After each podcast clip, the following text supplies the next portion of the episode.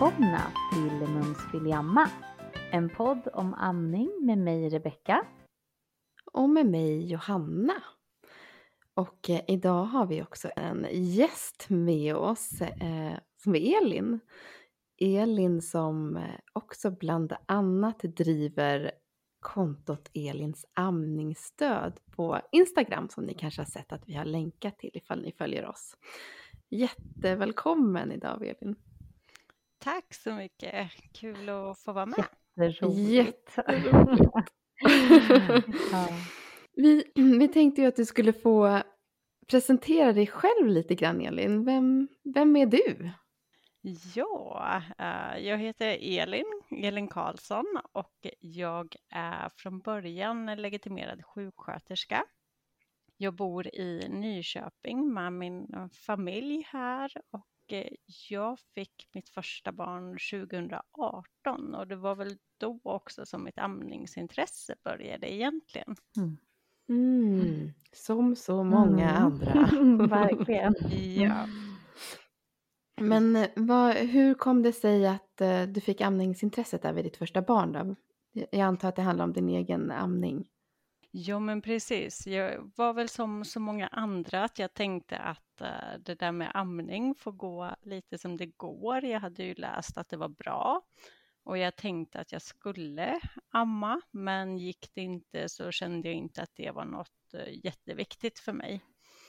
Eh, Jag var väldigt fokuserad på förlossningen och glömde den där tiden efter lite grann. Sen så när eh, min tjej väl hade kommit så fick jag jätteont och eh, inom de första två veckorna så hade jag faktiskt utvecklat en bröstböld. nej. Mhm. Och det är ju ganska ovanligt att man gör de två första veckorna, men jag minns att jag hade så ont och jag sökte vård och eh, blev hemskickad med orden att eh, det gör ont att amma lilla gumman. Mm. Ja, och jag kommer ihåg hur jag kände att okej, alla andra mammor klarar det här. Alla andra mammor gör det här och jag tycker att det gör så hemskt ont att eh, jag bara ville gråta så fort min dotter tittade på mig och ville amma och det är ju ofta i början. Mm. Min Ja. tjej var också väldigt hungrig och väldigt eh, snuttsugen. Hon ville ligga vid bröstet ofta. Och eh, jag kommer ihåg att jag bara kände att jag klarar inte av att vara mamma. Mm. Jag klarar inte av Mm. det här som alla andra kan. Mm. Gud, sånt här Eh, gör mig så extremt Mm. ledsen att höra. Vården Ja. förstår inte hur stor påverkan man kan ha heller. Jag tänker genom att säga bara liksom det gör ont att amma lilla Mm. gumman. Mhm. Typ, Ja. gå hem nu. Och jag kommer ihåg att jag läste i min journal därefter och det här var under helgen som jag var på en sån här jouröppen mottagning. Och så läste jag att det bör inte söka vård innan tisdag. Mm. Och jag kommer ihåg hur jag kände att jag bara blev sämre och sämre. Mm. Och sökte ju innan tisdag i varje fall då och då visade det sig att jag hade den här tennisbollstora abscessen eller bölden Mm. i bröstet. Så jag fick åka hem med ett drän Mm.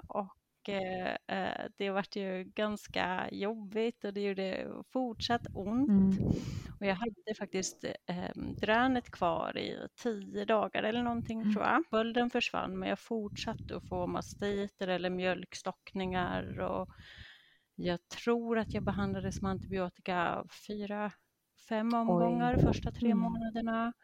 Och jag fick peroral, eh, alltså tabletter mot eh, svampinfektion tre gånger. herregud. Eh, och under tiden så läste jag ju väldigt mycket om amning för jag kände att jag måste ju lösa det här på något Mm. vis. För under tiden hade det också växt en känsla av att jag måste amma. Det är ju det jag ska Mm. göra. Jag måste ju göra allt för mitt nyfödda lilla barn. här. Mm, för det tänkte jag fråga, så här, vad var det som fick dig att vilja? För det, i början lät det inte som att det var så himla viktigt för dig kanske att går det så Nej, går det. Men sen så växte den ändå fram i det här att du fick de instinkterna. Mm. jo men precis. Och det där är ju någonting jag ofta pratar om. Att vad man tror att det ska vara innan kanske inte alls är som det Mm. blir. Eh, för mig kändes det inte så viktigt men när väl min flicka hade kommit så, så fanns det inget alternativ. Jag var jätterädd för att inte kunna amma för det bara kändes som att jag behövde amma.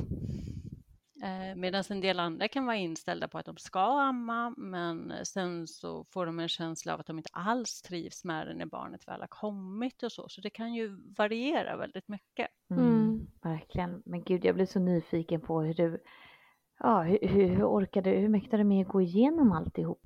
Ja, men jag är ju eh, väldigt bestämd som person.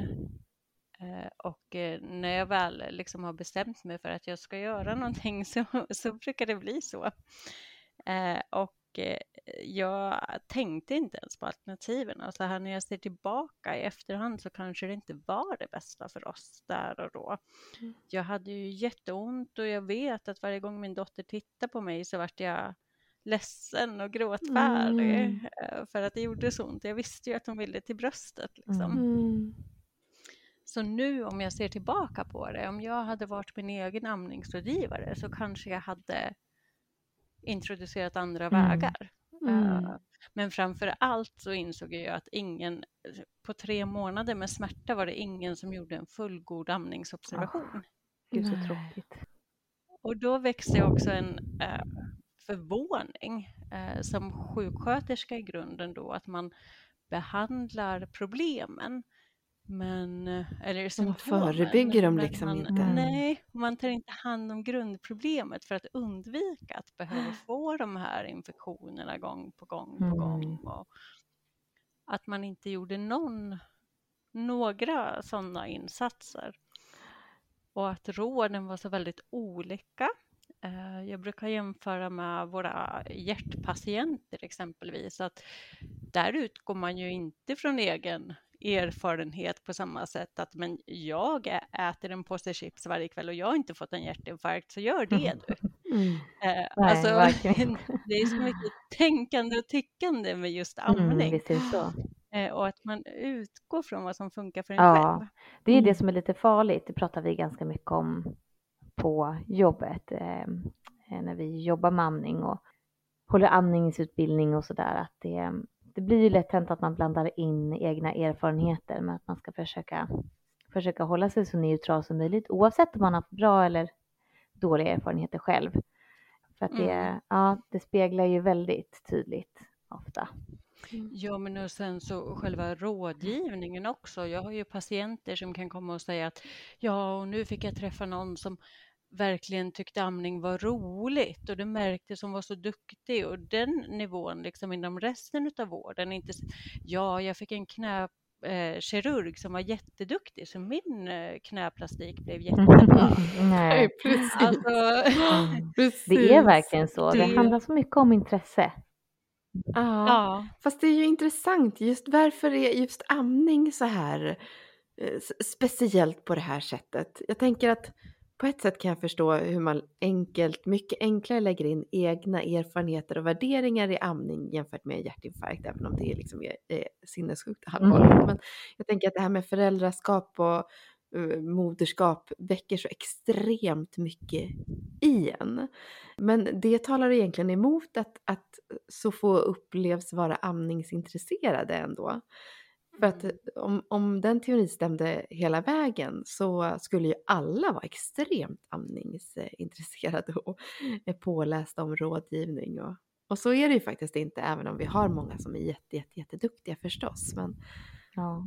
men det är många som vittnar om det här som du säger Elin, att alla säger så himla olika och att man kanske inte upplever alltid att det finns ett eh, jättestort varken intresse eller jättestor kunskap.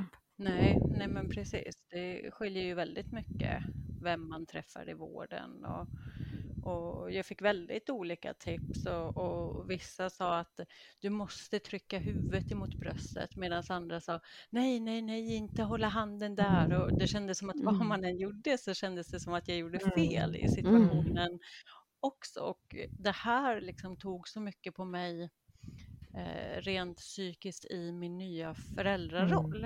Mm. Eh, Jag vill alltid göra rätt och jag vill göra bra. Du vet, jag var den här nyblivna mamman som läste alla riktlinjer, kunde la- rabbla Livsmedelsverkets listor, allt det här liksom. Eh, men det kändes som att det här med amningen, det gick inte att göra rätt och det gick inte att göra bra liksom. Och vad jag än försökte med så var det bara tokigt och mm. samtidigt var jag livrädd för jag hade hört om eh, flaskförvirring eller tuttförvirring och mm. flaskpreferens, mm. att barnet skulle börja föredra mm. flaskan om jag gav den. Så det, det, det, fanns inte i min värld att jag skulle göra det för att avlasta. Och. Man var väldigt ensam. Men du sa att eh, just så här med ditt eh, första barn, så någonstans efter tre månader så ändrades det lite grann. Eller uppfattade jag fel? Nej, men då var det bättre. Mina sår läkte. Jag hade sår i tre månader, oj, oj, oj. rejäla sår på båda mm. bröstvårtorna. Men vid tre månader så läkte de och mastiterna kom inte längre en gång i veckan utan mm. kanske varannan vecka eller en mm. gång i mm. månaden och blev mycket lindrigare. Jag behövde inte mm. antibiotikabehandlas efter det. Mm. Så det vart ju helt nytt. Men jag hade ju fortsatt en eh, jätteöverproduktion nu när jag ser tillbaka. Mm. Eh, som förmodligen var orsaken till mastiterna, tänker jag. Men eh, det var ju ett lyxproblem. Mm.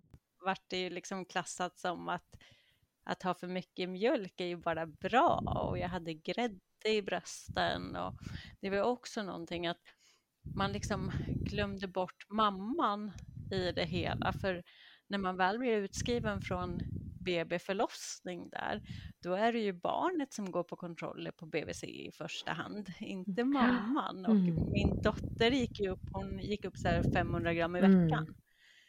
Mm. Och alla var jättenöjda och glada och tyckte att amningen gick så bra. Och jag stod där och bara, nej. Mm. Ja, det jag tycker fortfarande, jag måste säga det, att jag tycker att det är så synd, det har ju du och jag pratat om Johanna också, att inte ha det här upplägget att båda följs upp under en liksom längre mm. period efter att man har fött barn.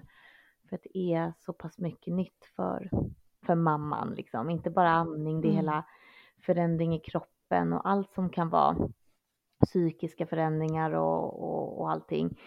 Och visst, BVC frågar ju föräldrarna hur de mår också, men det är inte alls på samma sätt. Eh, jag tycker att eh, det, det, är ett fint eh, upplägg de har i många andra länder där de har en barnmorska som kommer hem till en i sex veckor. Liksom. Mm.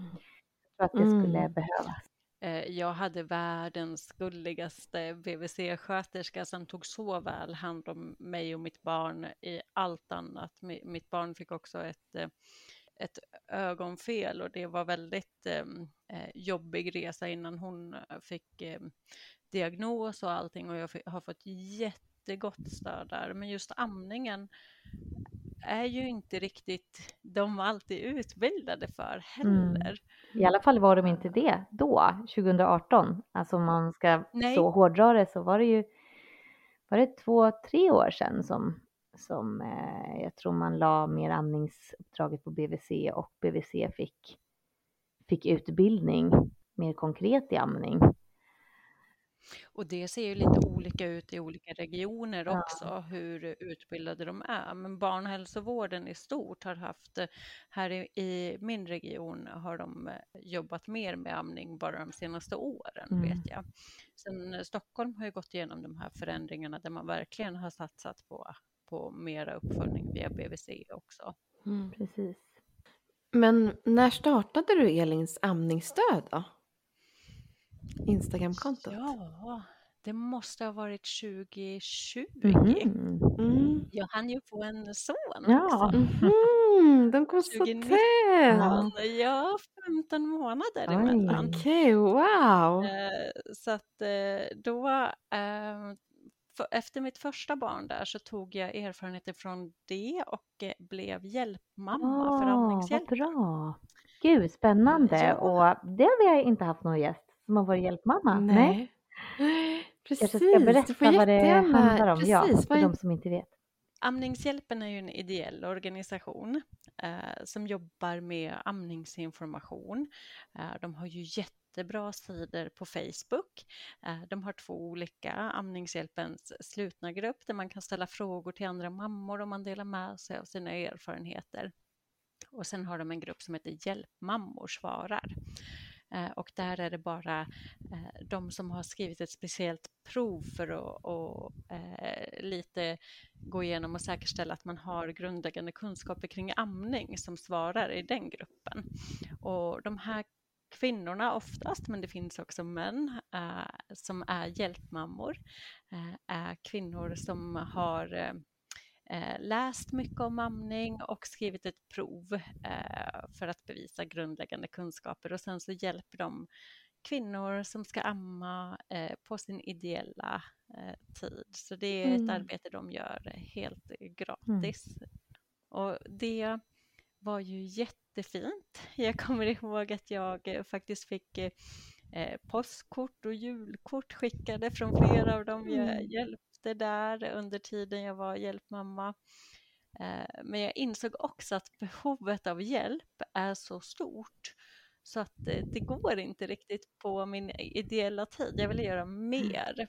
Och då tänkte jag väl först att jag skulle gå en kurs och jag gick en kurs på avancerad nivå inom amning vid Högskolan i Borås. Mm, precis. Var det den här amning, amning 7,5 poäng som...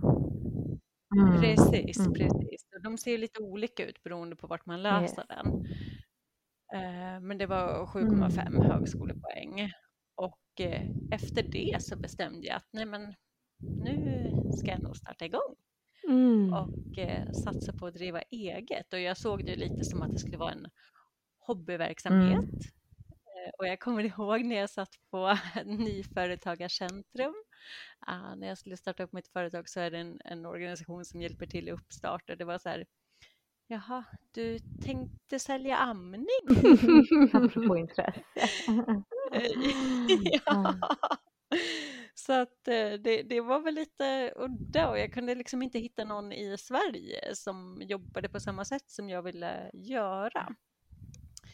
Eh, utan jag fick titta lite utomlands och sen så var ju min stora grej att jag ville jobba med gravida okay, för att kunna ja. förebygga problem. Mm.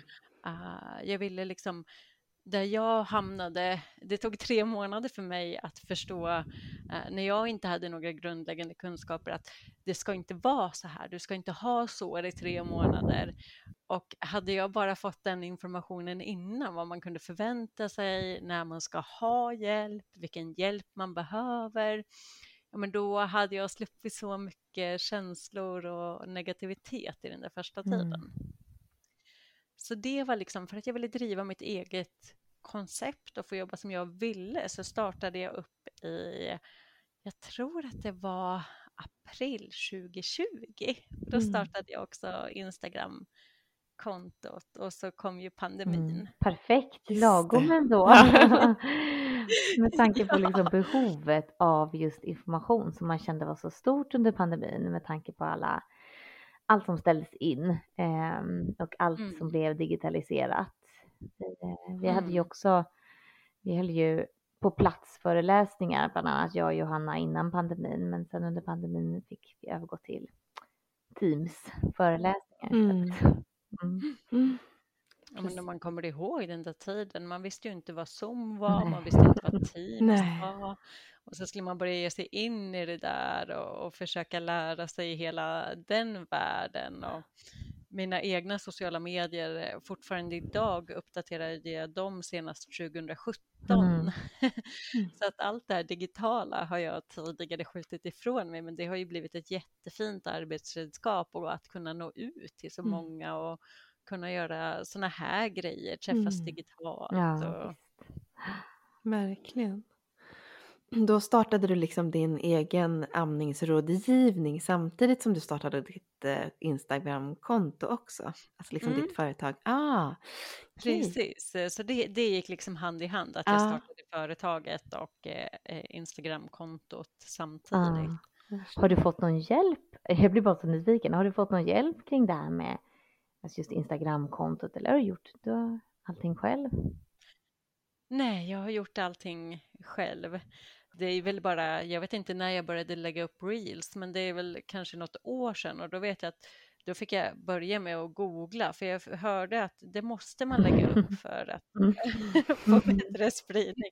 Så jag började med att googla vad är en Ja. Ja. Ja. Så det är liksom den nivån eh, Ja, eh, vad det Ja, är det hade på. kunnat vara jag också, eller hur Jonna? ja, jag också för den delen. Mm. det där Och det är är sådär nödvändigt ont. Men sen har jag ju förstått hur mycket spridning man får, hur många man kan nå ut till med tips. Jag ser att eh, inlägg jag gör som berör just det här med hur man kan känna som ny mamma, att allt känns överväldigande. Då är det alltid några som taggar sina vänner specifikt och då känner jag att det, når ju rätt personer och det gör Mm. mig så glad att man kan nå ut till, Mm.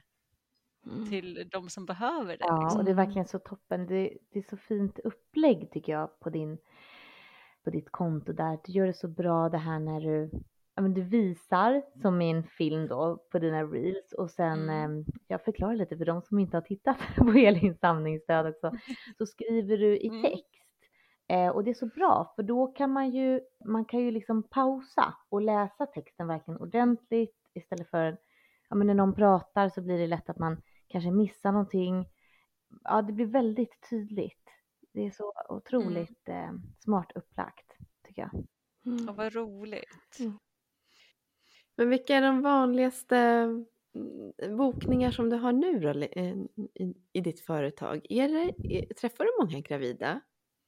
Ehm, Jag har ju hållit kurser för gravida varje månad. Eh, Har inte kommit igång nu efter sommaren för det har Mm. varit eh, så, så mycket med företaget. Mm. Jättekul, men annars har ju det varit att jag har hållit varje månad. Och sen så har Ja. jag ju gravid, alltså förberedelse, privat förberedelse. Om man, den bokas väldigt ofta av de som har haft en amning som inte har funkat tidigare Mm. och är lite ärrade över det. Kanske inte vet vad som gick tokigt, varför det inte funkar. De har inte fått någon förklaring Mm. eller de är eh, rädda för att det ska bli likadant igen. Eh, Mm. De kan känna skuld och skam om de skulle amma sitt andra barn men inte Mm. sitt Ja, första barn. Och då liksom att få sitta ner och gå igenom, dels blir det ju en liten bearbetning av det första Mm. Mm. eh, tillfället och en förberedelse inför andra. Och det är också jättebra när man till exempel har kvinnor som har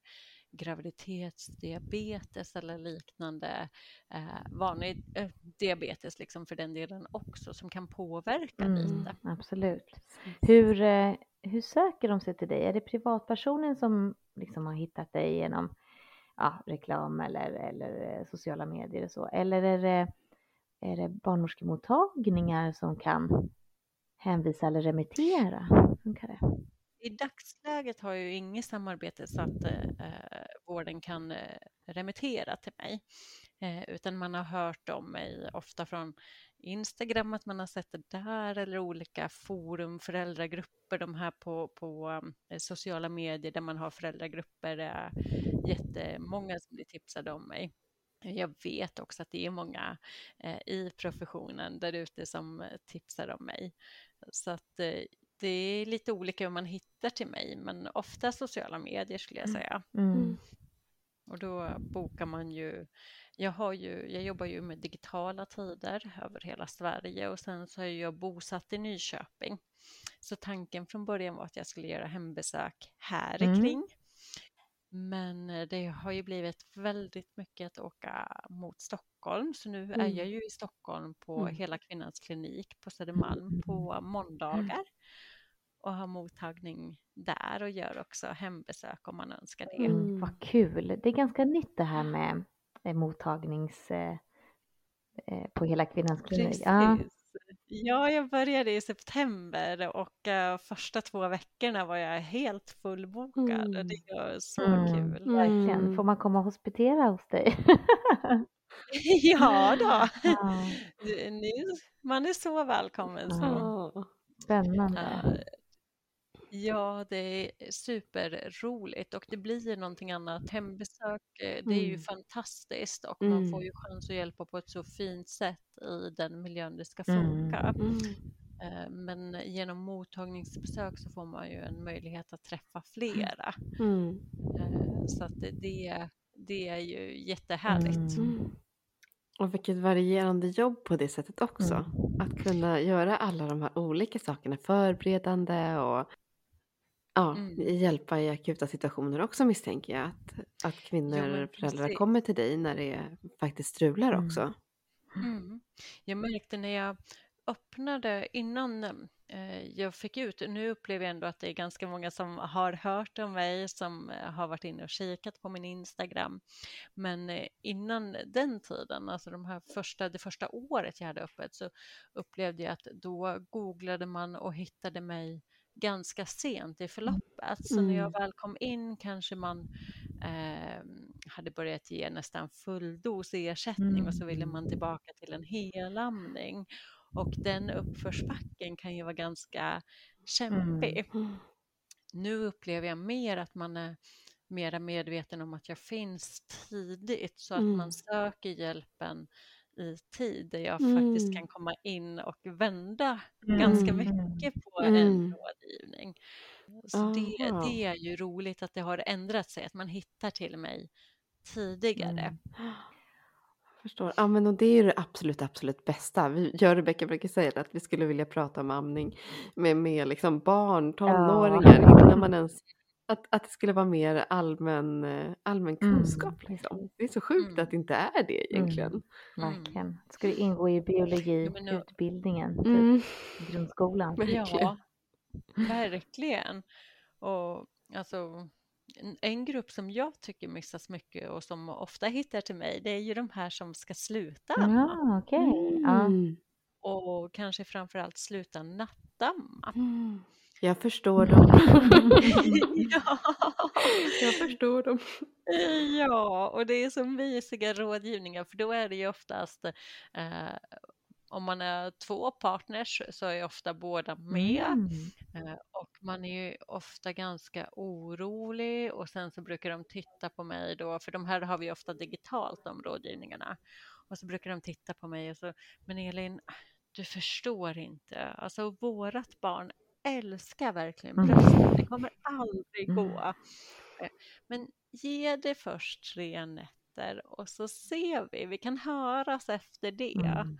Och då är de flesta, alltså du hade ju rätt Elin. det gick ju. Ja. Det Mm. går. Eh, Och bara det liksom att få vara ett stöd, för det vet jag själv att det, då hade man ju egentligen inget professionellt stöd kvar, utan då var det ju vänner och bekanta och internet man fick vända sig Mm. till i de frågorna. ja, visst. Men lite nyfikenhet kring det här med att sluta nattamma bara för att det har varit högst aktuellt för mig väldigt länge. Nu nattammar jag inte längre. Men vad är, eh, va- varför, vad är motivationen till att, eh, att de kvinnorna vill eh, sluta nattamma när de upplever att de har ett barn som är så, tycker om amningen så mycket och att det funkar så bra från barnets håll? Mm. Det kan ju vara att man eh, vill, eh, eller har ett behov av att få mera sömn Mm. eh, sammansatt, liksom, och att man känner att det behöver vara långsiktigt. Mm.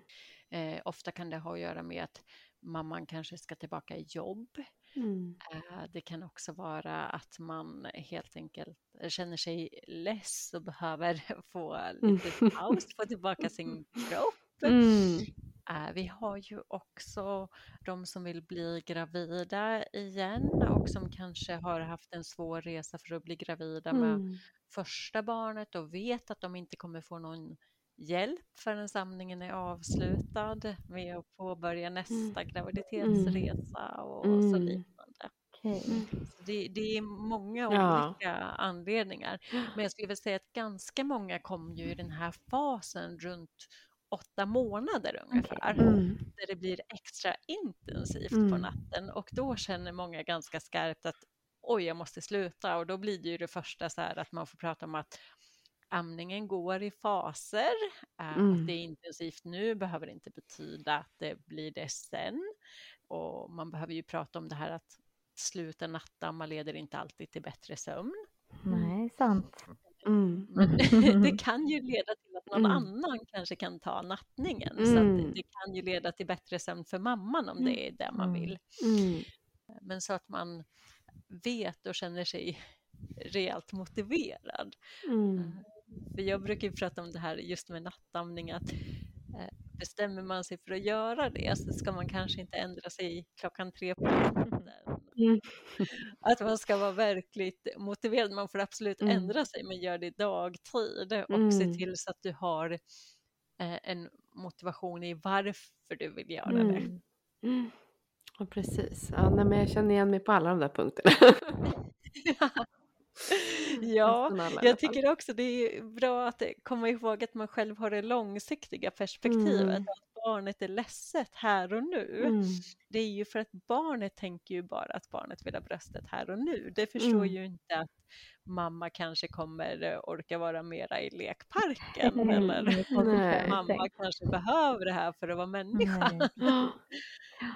Ja, Jag vet att jag tyckte att eh, ja, men hela min resa i att sluta nattamma, att jag hade tyckt att det var så jobbigt just för att min son också älskade det så mycket och jag gill, har trivts jättebra med att amma också men, men tyckte att det blev för mycket på nätterna, att jag, jag orkade liksom inte men fick så extremt dåligt eh, samvete över det. mm. Över att jag inte ville när jag visste att han tyckte om det så mycket. Mm. Mm. Mm. Nu brukar jag prata om eh, rollen som förälder att eh, liksom sätta gränser eh, Mm. och eh, att respektera sig själv och sitt mående. Mm. Alltså som min femåring nu skulle vilja äta godis till frukost. Mm. Mm. och där vet jag ju att långsiktigt är inte det bra för henne. Mm. Så att då får man ju sätta gränsen där, inte att amning inte skulle vara bra, det är Mm. ju det som gör det lite Mm. problematiskt, att det är bra, Mm. men att man också känner liksom att jag är Mm. viktig, eh, Mm. jag som person, Uh, för det behöver vi också visa våra barn. Uh, vi, vi vill ju att våra barn ska ta hand om sig själva, värdera sig själv och sitt eget mående. Och då måste vi också göra det med oss. Barn gör ju som vi gör och inte som vi säger. Mm.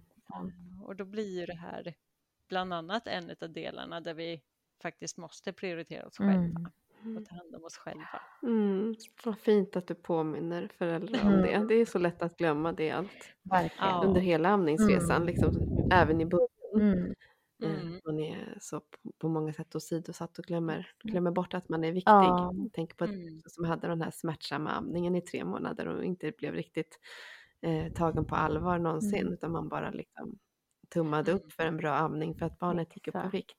Det är Mm. ju, eh, det är ju mamman som ammar liksom. Det är ju, eh, det är inte, alltså det är så mycket, det är så mycket kvinnan, det är så mycket den ammerskan som det handlar om. Det är ju egentligen eh, där det, man borde lägga den mesta tyngden faktiskt.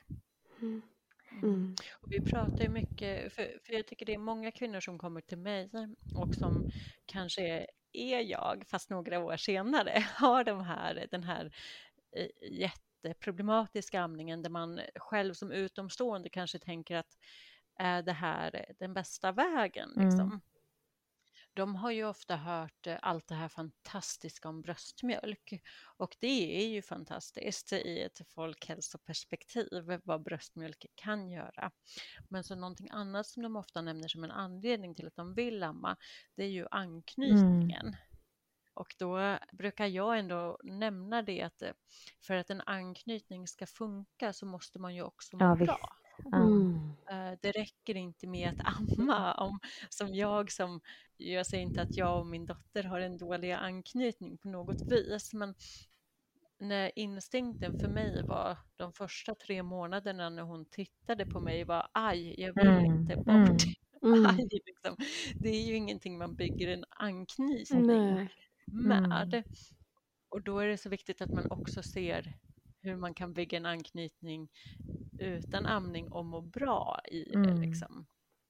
Så att man inte bara tror att bara jag ammar så kommer vi få en fin anknytning Mm. även om jag mår skit. Mm. Mm. Ja, Ja, precis. Det är så otroligt viktigt att du tar upp det. Jag måste bara få fråga Elin och du får säga, du får såklart säga nej om du vill, men vill du berätta om hur det gick med ditt andra barn? Ja, eh, min son kom ju då 15 månader senare. Eh, så att eh, då var jag ju hjälpmamma och hade lite mera kött på benen och visste vad jag skulle tänka på och hur det skulle vara lite mer. Så det gick bra. Och det var lite typiskt så här som en nummer två, han bara fick amma där han var. Mm. Eh, och eh, det blev inte den här situationen där det blev allt fokus, utan det bara hände så där som jag trodde att det skulle göra med min mm. första. Gud, så det var ju en väldigt fin och smidig och praktisk eh, eh, amningsresa och jag hade också som mål, kommer jag ihåg, innan jag åkte hem från BB med mitt andra barn så ville jag ha testat sjal. Ja. Eh, och det var ju jättebra att kunna ha honom i sjalen och kunna vara med min 15 månaders mm. där hemma på ett annat mm. sätt. Liksom. Verkligen. Så allt gick lite smidigare ja, och amningen speciellt. Det, gjorde inte, det var den här förväntade smärtan och inte värre än så. Mm. En överproduktion såklart med barn nummer två också men då, då kunde jag hantera den och började blockamma så jag fick inte samma problem av det heller. Perfekt ju. Det var någonting som vi pratade om i något avsnitt, eller hur Johanna? Just det med mm, jag tror att vi har länkat till det mm. också för att det, det, tycker jag är så himla himla bra. Jag hade inte, inte hört om blockamning när jag fick mina första barn. Det önskar jag att jag hade gjort. Mm. Mm. Ja, nu man... säger man ju att Eh, just det här, jag vet inte om ni har läst IBM-protokollen om mastit, eh, nya riktlinjerna just om hur man ska tänka kring mastiter och behandling av dem. Men de pekar ju ut överproduktion som den största anledningen till eh, upprepade mastiter. Mm, det är så. Mm. Ja. Och, och, det missas ju så ofta. Ja. Mm. ja, jag har tittat på just det behandlings eh, behandlingsråden just som är så mm. otroligt bra. Men eh, mm. inte grottat ner mig i, eh, i orsakerna och så till, till mastiter.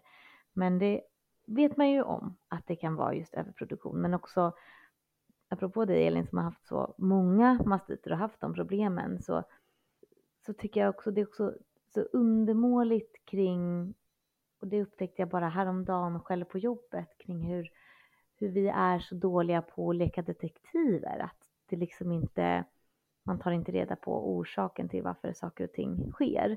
Man inte gör en, som vi brukar ju säga inom vården, en ordentlig anamnes, men alltså att man tar en, en historia om hur det har sett ut och så. Mm. Det är ju så, det är ju A och O, så otroligt viktigt. Ja men eh, verkligen och att man som Uh, många mammor söker till mig, kanske inte första gången de har en mastit, men när de har det för tredje gången, då blir de så här att ingen kan förklara varför det här händer. Och sen jag började jobba efter de här nya riktlinjerna som kom ut förra, förra sommaren, då, för över ett år sedan, så är min första fråga till alla, upplever du att du har mycket mjölk? Ja, mm. det bara mm. sprutar. Mm. Och jag tror inte jag har haft en enda som har haft återkommande mastiter som inte har kunnat förklaras med en överproduktion. Mm. Mm. Och då är det någonting som vi fortfarande ser lite som ett lyxproblem mm. i Sverige och många som jobbar med amning vet inte hur man hanterar en överproduktion. Mm. Men man vet hur man kan behandla en mastit, liksom. Mm. men man kan inte ta hand om grundproblemet. Och det är ett problem. mm. Mm. Ja, men det, är ju, det handlar ju dels om att vi behöver undvika att kvinnorna får de här upprepade mastiterna för att inte vävnaden ska ta skada långsiktigt och eh, allt lidande som är med mastiter, även de här som inte blir antibiotikakrävande är ju väldigt jobbiga. Mm att gå runt och ha ont och ganska ofta feber. Mm. Och, och liksom, det, det, är ju någonting vi verkligen skulle vilja kunna hjälpa mm. nyblivna mammor ja. med. Ja, de kan ju bli jättesjuka och må så dåligt. Mm. mm. Så är det. Ja. Elin, är det någonting eh, speciellt som du känner att du skulle vilja skicka med till folk som lyssnar på det här avsnittet med dig? Mm. Jag skulle vilja skicka med att för de flesta amningsproblem så finns det faktiskt saker och tips och tricks att göra och att ju längre man går med ett amningsproblem så kan man hamna i negativa spiraler. Så försök att få hjälp i tid så att man inte liksom hamnar i de här negativa spiralerna utan kan bryta det och eh, få amningen att fungera så bra som möjligt. Ja. Och sen så tänker jag att jag också vill skicka med att eh, eh, det behöver inte vara det ena eller det andra utan det viktigaste är att du som mamma mår bra. För mig är ju inte amning frågan som jag brinner för utan för mig är det som är viktigt att mammor ska få må bra i den här väldigt speciella tiden i livet och jag tror att kvinnor är smarta. Om man får informationen och sen gör val utifrån det, hur man vill göra och vad som är bäst för en själv, då är jag glad och nöjd så länge kvinnor kan få den möjligheten. Sen mm. om man mm. ammar eller inte, det lägger inte jag någon värdering i, bara man mår bra. Mm. Jätteviktigt, jätteviktigt. Och det står ju vi bakom till hundra procent också. Absolut. Mm. Verkligen. Det är därför vi vill ha, det är därför vi har den här podden. vi vill att mm, man ska ja. liksom få, att folk ska få känna sig hörda och, och ja, igenkänning eh, och det ska pratas mer om det liksom. Det måste det göra. Mm. Tyvärr ett ämne Precis. som inte tas upp tillräckligt ofta. För det. Mm. Så det är inte, det är inte mega många men eh, mitt mål var 30. Jag tänkte när vi släppte vårt mm. första så här, lyssna 30 så är, det mm. super, superbra. Mm. Ja, eh. fast 100 är väl jättebra? Ja, absolut, absolut. Ja. Eh, så det är jättehäftigt att det är 100 personer som sitter och lyssnar och eh, det är helt fantastiskt så måste ju du också känna att man får återkoppling på att man faktiskt har gjort skillnad. Ja, Varje gång vi liksom dippar lite grann och tänker att så här, gud det här tar mycket tid, ska vi verkligen fortsätta? Så får vi ett meddelande och så bara ja, gud klart vi ska fortsätta, vad tänker vi ja. ja, verkligen. Ja, det är så mycket. Mm. Det, så det kostade en del för oss i början tills vi insåg att man kan ju faktiskt göra det här lite billigare. Ja, exakt. Gratisprogram och så vidare. Ja men uh, precis. Mm. Så att, eh, det gör vi faktiskt. Nu betalar vi ju ingenting Nej. för, alltså mer än med våran tid och sådär mm. förstås. Men, men vi tycker uh. det är roligt också. Eh, det är det som är svårt att få ihop eftersom vi jobbar olika tider jag och Johanna nu också. Så det blir lite, mm. ja. Precis. Ja, det blir svårt mm. såklart. Men hittills har vi ju ändå lyckats. Men det är de här kvällarna som räddar oss lite grann mm. efter barnen somnat. Mm. Någon annan kan ta dem. Mm. Och de känner ju av det dock när man ska lägga barnen och de faktiskt måste ja. ja. att ska göra ja. någonting. Det är som att de förstår direkt när de Ja, men då är det bara är det bara du och jag som ska spela in ett avsnitt Rebecka då kan man ju alltid ja, liksom spela in det senare. Ja. Men, men när man har gäst som idag då vill man ju gärna att man ska kunna börja mm. i utsatt mm, tid. Mm, verkligen. Ja. På plats. Mm. mm. Ja men Elin, verkligen jätte jätte jätte tack. Det känns eh, väldigt fint att du ville vara med mm. och eh, dels berätta om din egen resa eller dina egna resor men också om ditt eget företag och att man ja. faktiskt kan vända sig till dig.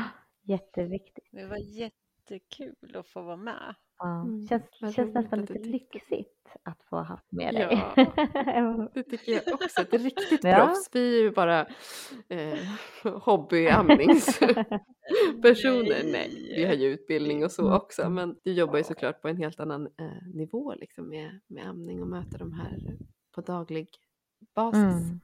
Ja, men, ja, men... tack hörni för att jag fick vara med. Tusen tack. Verkligen, tusen tack. Jätteroligt. Ha det så bra. Då hörs ja, vi. Det gör vi. Ta hand om dig. Hej då. Hej då. Hej.